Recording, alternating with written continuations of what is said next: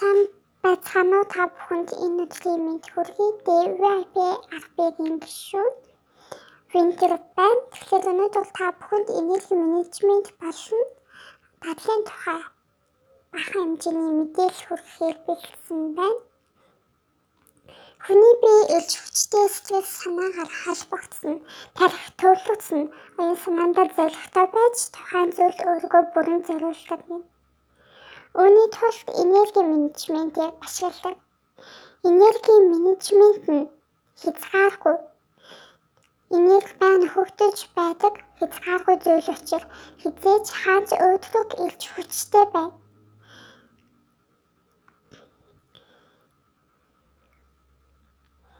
Тэгэхээр энерги дөрвөн төрөлд хувааж авч үздэг.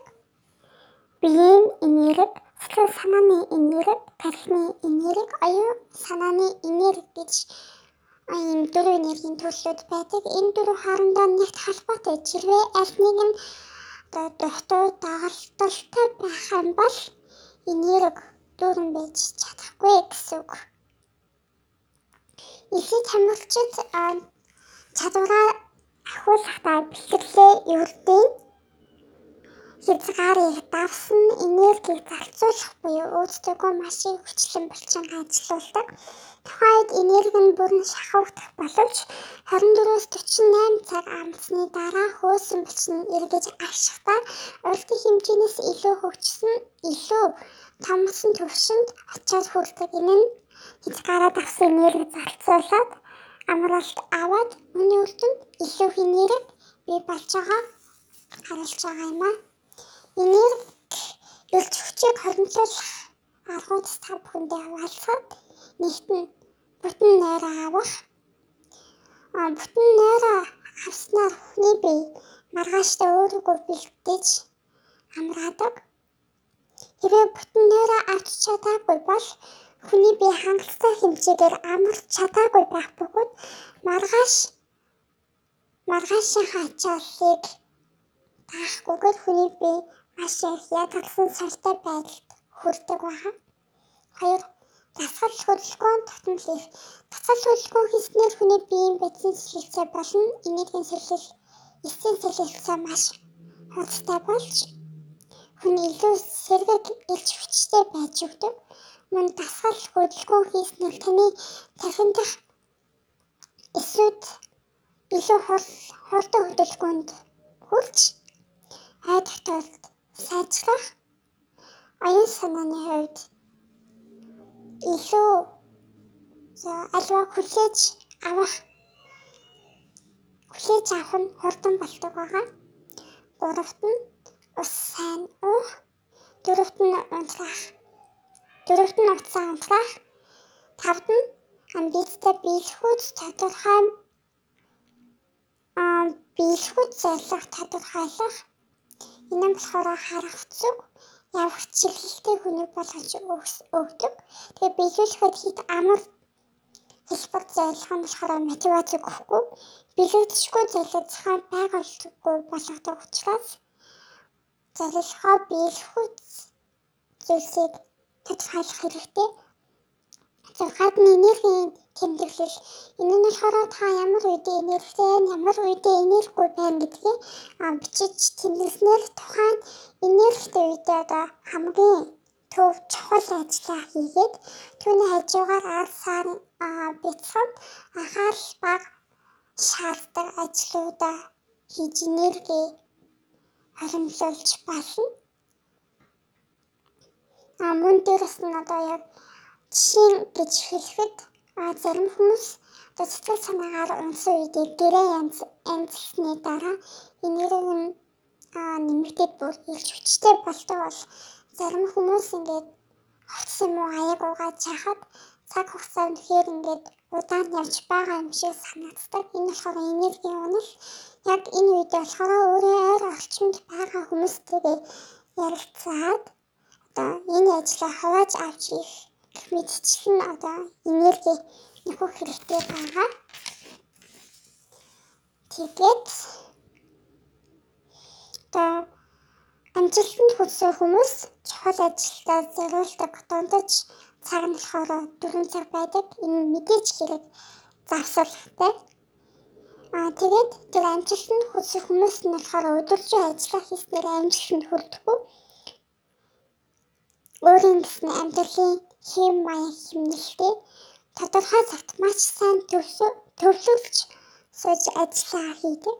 Өөрийгөө бүрэн зориулж ажилладаг нэг ажиллахаараа аа тэгээд мөн дээрэс нь илж хүчээ сэлбэж чаддаг байгаа. 1950-ад онд эрдэмтэд хүний нэр 90-120 минутын үежилтэй байдгийг олж мэдсэн. 90-120 минутанд гүн нойрон автаад дараачийн 90-120 минутанд илүү сэрэг ялсах үечлэл бий болж байдаг бахан бидний бие. А 1970-ад онд лавшруулж судлахад энэхүү үечлэл нь 24 цагийн турш үргэлжилдэг болохыг нийсэн. Бидний бие сэрүүн байхдаа ч 90-120 минут идэвхтэй ажиллаад дараачийн 90-120 минут нь амралтын байдал шилжиж байдаг. А хүмүүсийг эрт арай босцоос шалтгаална. 3 хувааж болох ба хэн хүмүүс ердийн шувуунд таацагддаг.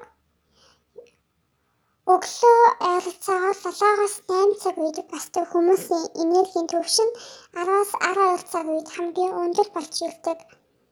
Харин бүр эрт босдог эсвэл бүр арай босдог хүмүүсийн хамгийн өндөр энергитэй энэ цагаас хойшлох юм урагшилж болно. За тэгээд цааш нь бол өдрийн хоолны дараа 14-өөс 15 цагийн үед бие сулуулж нозоолдог. Харин 16-аас 18 цаг үед энерги эргээд өндөр болж ирдэг. Тэгээд улмаар өмнөс хойш буцаар унтах цагтай золгодог байгаа. За тэгэхээр бадар яаж энергитэй холбогдоод байна гэхээр энергийг нэмэгдүүлэх хамгийн гол чухал зүйл нь дасгал байгаа. Яг гэвэл дасгал одоо хийж ирснээр түүнийг дагаад а эрэг дадлууд хүрээлэн бий болж идэг. Яг гэвэл дасгал хийхэд бол нэгдүгээр өглөө босно. Хоёрт нь эрүүл зөв хоолно. Гуравт нь бас уудаг. Дөрөвт нь болохоор цагийн зохион байгуулалттай болдог. Энэхүү дасгал хийснээр эрэг дадлууд бий болж шин амьдралын хэв маягыг бий болгож өгдөг байгаа. Тэгэхээр аа дадлал гэдэг нь болохоор өдөр тутамд хийж байдаг тодорхой ухамсар хяналтын шаардлагагүйгээр байнгын хийж байдаг үйлдэл юм а. Автоматжуулсан үйлдэл. Хүн өдрийн 40-45 хувийг нь дадлал хийхдээ зарцуулдаг.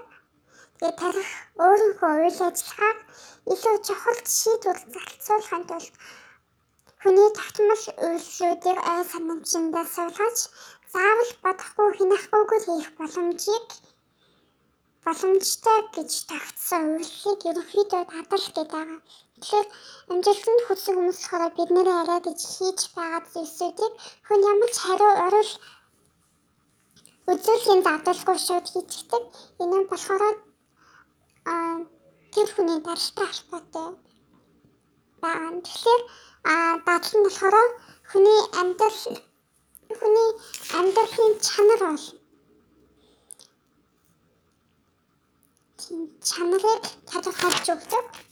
Тэгэхээр аа дадлал өсөх үндсэн 3 тариу байдаг.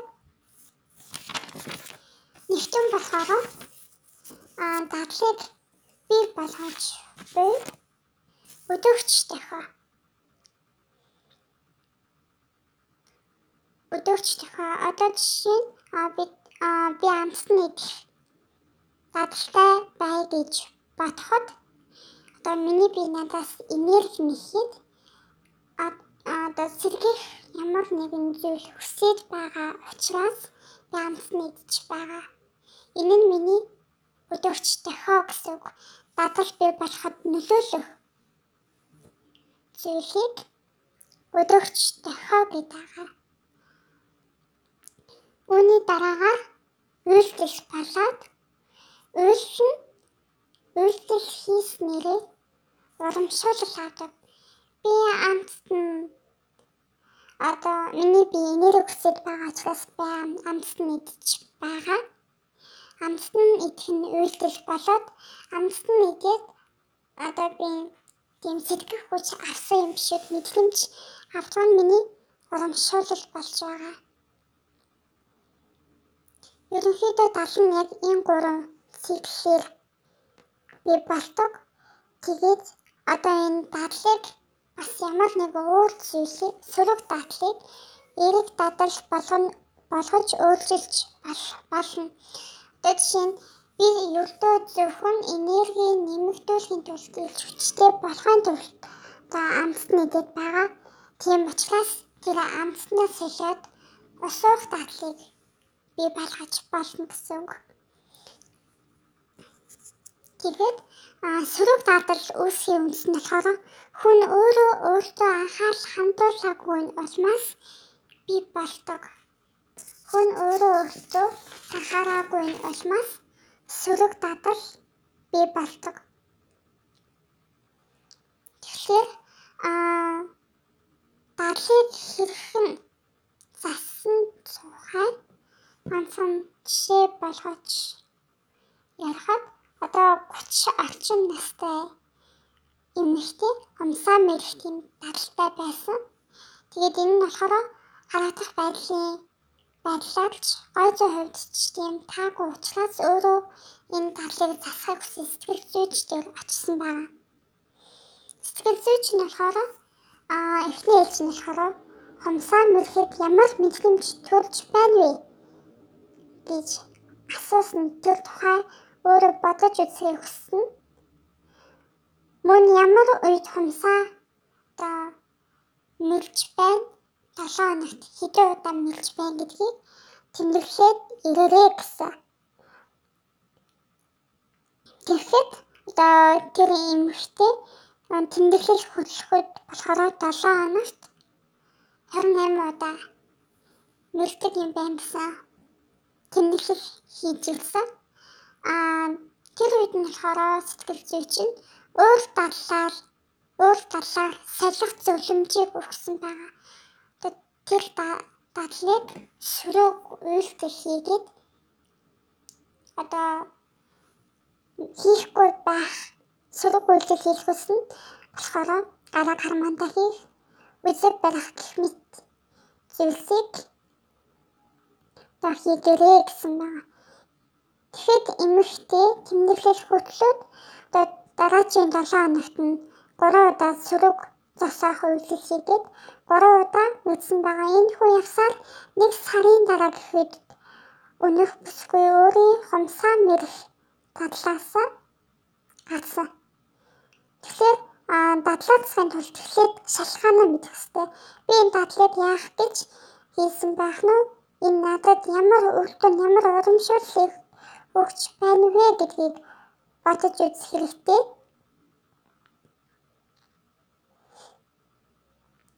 За тэгээд аа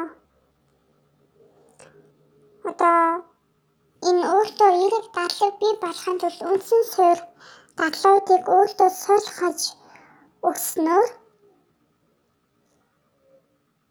зөв дадлыг үүнийг дагаад зөв дадлууд нь хүнд сууж өгдөг байгаа. Нэгтэн дасгал үлгөө, хоёр хоолны дэлхэм, гурав санхүүгийн хяналт, дөрөвт нь бясалгал орж байгаа. Дасгал хүлэхгүй хийснээр хүн стресстхгүй өдрийн турш илүү ирж хүчтэй байдаг. Хоолны дэлхэм буснаар өөрөө эрүүл мэндийн хувьд тухайн илж хавьж чухал ач холбогдолтой санхүүгийн хяналтыг бий болгосноор тэр санхүүгийн асуудалд орохгүй хадгаламж нэгээд хадгаламжныхын ач тусыг нь бас мэддэг. Аа бясалгал хийснээр болохоор энэ нь уурлах дадлаас ангичрах үндэс болдог.